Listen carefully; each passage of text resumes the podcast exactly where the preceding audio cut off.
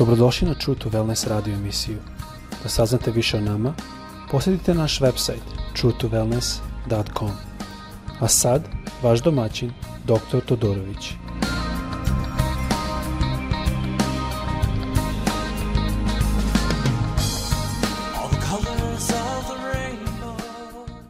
Dobar dan, ljubazni pozdravljam vas iz Floride, odakle radim ovaj podcast. Želim da i nadam se da ste svi dobro, da ste blagoslovljeni. E, prošli put smo govorili malo o, što kažu reči Boži, e, u, treć, Matiju petoj glavi, i sa trećim stihom da kaže blaženi su siromašni duhom, onda četvrti kaže blaženi su žalosni, onda peti kaže blaženi su krotki, a u šestom kaže, blaženi su gladni i žedni e, pravednosti. I što smo objasnili prošli put je da kad je neko siromašan duhom, to ne znači da je taj siromašan ili da taj nema dovoljno duha, nego više znači da je taj otvoren da dobije više od gospoda.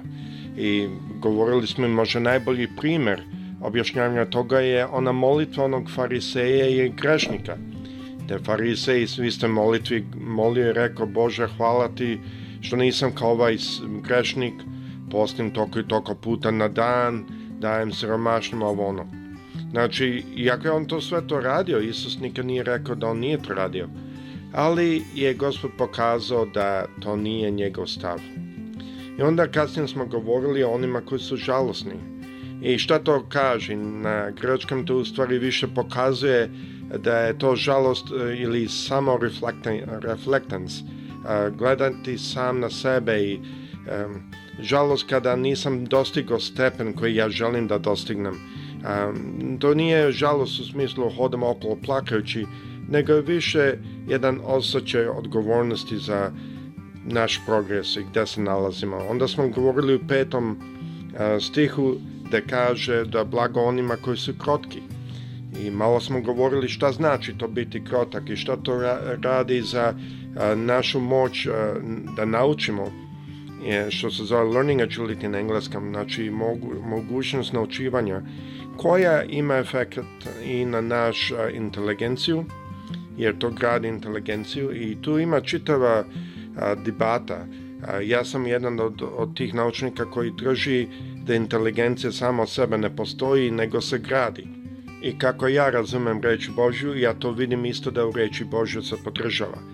A ima drugi koji veruju da je neko rođen sa inteligencijom, ali to svakako je se pokaze malo problematično sa raznim ra analizama. Da ne ulazim previše u to, ali shvatili smo da to isto biti ponizan ima jednu veliku ulogu za jedno mentalno zdravlje. I to isto je dokazano, tako da to smo malo razmatrali, razmatrali smo šta to znači kad kaže Isus da budu gladni i žedni pravednosti. Danas bi žalo da malo govorim o milostivosti e, čistim srcem. Vidjet ćemo dokle ćemo postići, možda ćemo morati dva programa da napravimo, da završimo ovo. Ali kaže u sedmom stihu, blaženi su milostivi, jer će im se Bog smilovati. Na engleskom kaže blago milostivima jer će dobit milost. I mislim da oba dva znači isto, ali možda je malo lakše, par meni, možda je to moja mana više, ali lakše ovo kako na engleskom kaže da blago milostima će dobit milost.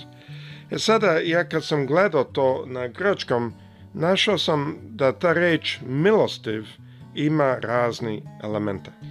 Na grčkom ta reč znači pitiful, to je sažaljiv, a, milostiv, znači original značenje reči, neko ko ima saosećanje.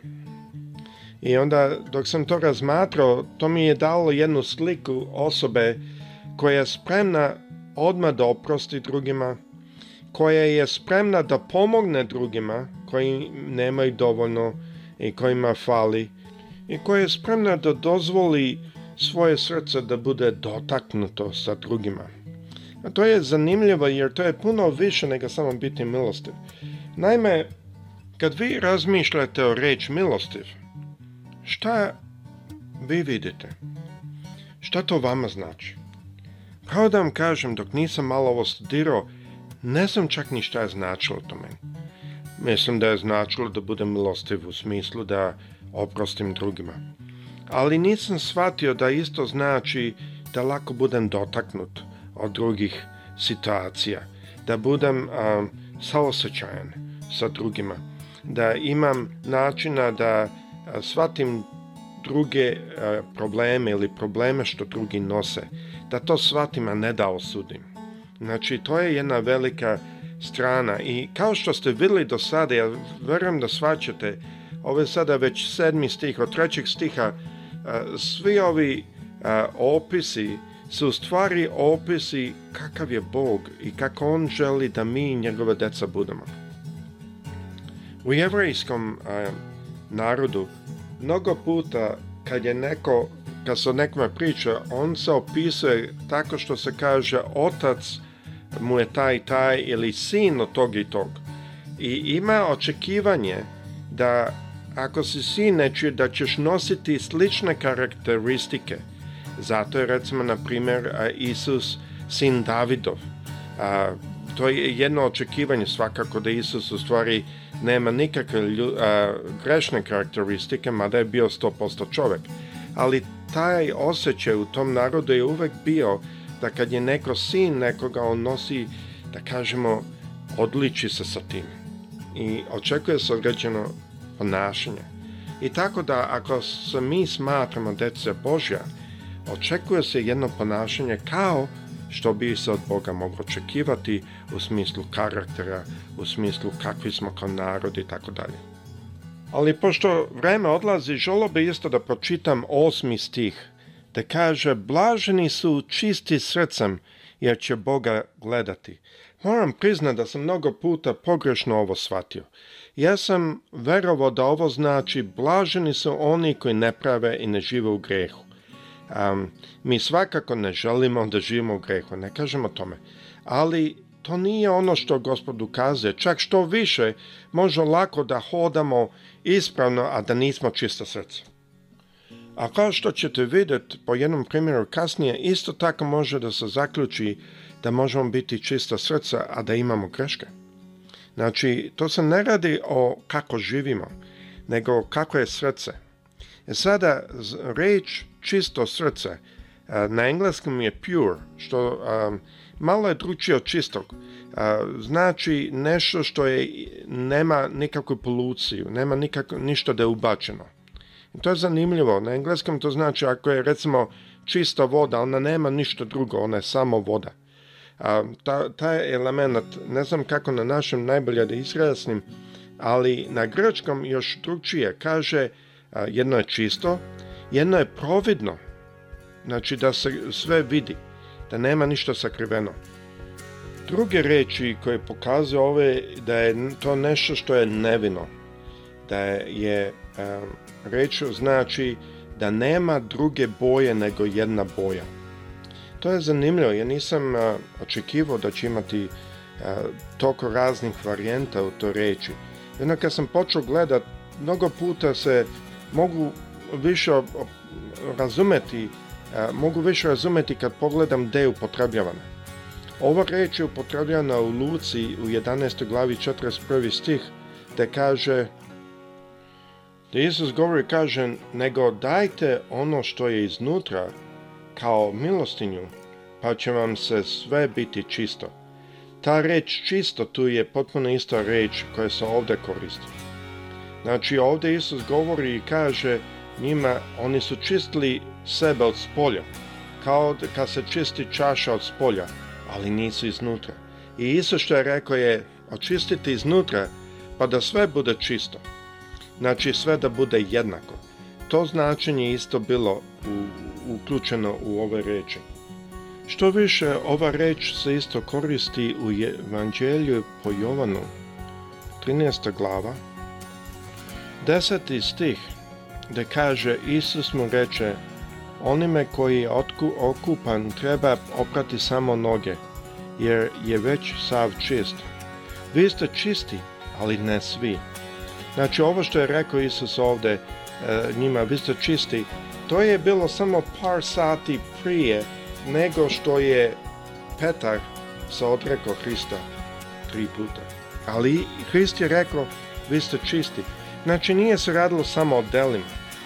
E, naime, ne samo da je se to desilo i da je Isus to znao i da je rekao Petru da će se odreći, nego što je isto se desilo je da je bila baš situacija sa Petrom kad nije htio da ga gospod, da mu opere noge, kad je shvatio šta Bog radi, kad njemu Isus objasnio, onda je rekao, operi me celog i ruke i a Isus rekao, ne, onome kome je čisto ne treba, nego samo noge oprati. To je zanimljivo, pošto tu se pokazuje da je Petar bio čist i jako mu je trebalo noge oprati. Svatate, tako da je to E, mislim da je ovdje puno dublja jedna čistota nego samo kako hodamo.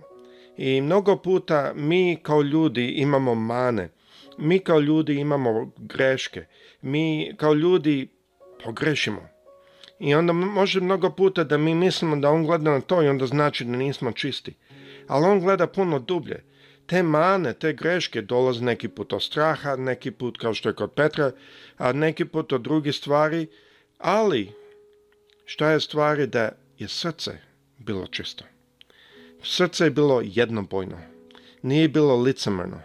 Nije bilo pokvareno. I e, shvatate da je ovo puno dublja dubina reći čisto nego kada gledamo na naš hod. Ova reč nam pokazuje da trebamo biti transparentni, da trebamo biti nevini, da trebamo biti ispravnog srca ne da moramo hodati da smo perfektni, mi nikad nećemo biti perfektni, ali mi dalje možemo biti transparentni onako kako jesmo, nevini, iskreni. I to je, mislim, jako velika a, poruka ove riječi, da Bog želi nas kao njegova deca da budemo kao On, a to je nevini, iskreni i ispravni, nelicamerni, nedvolični. I tako da ja bi sada ostavio na naredni program ću govoriti o, o još par stihova, verujem da ću završiti do 16. da želim malo objasniti zašto je sve ovo gospod nama opisao. E, ovdje možemo da vidimo da je gospod dao nama jednu sliku kako on želi da hodamo, da budemo kao što je on. Tako, nadam se da je ovo vama blagoslovo. oprostite moj srpski nije najbolji, gospod sa vama i nadam se da će nam se pridružiti najni put kad govorimo dalje od narednim stihovima. Bog s vama svima, prijatelj.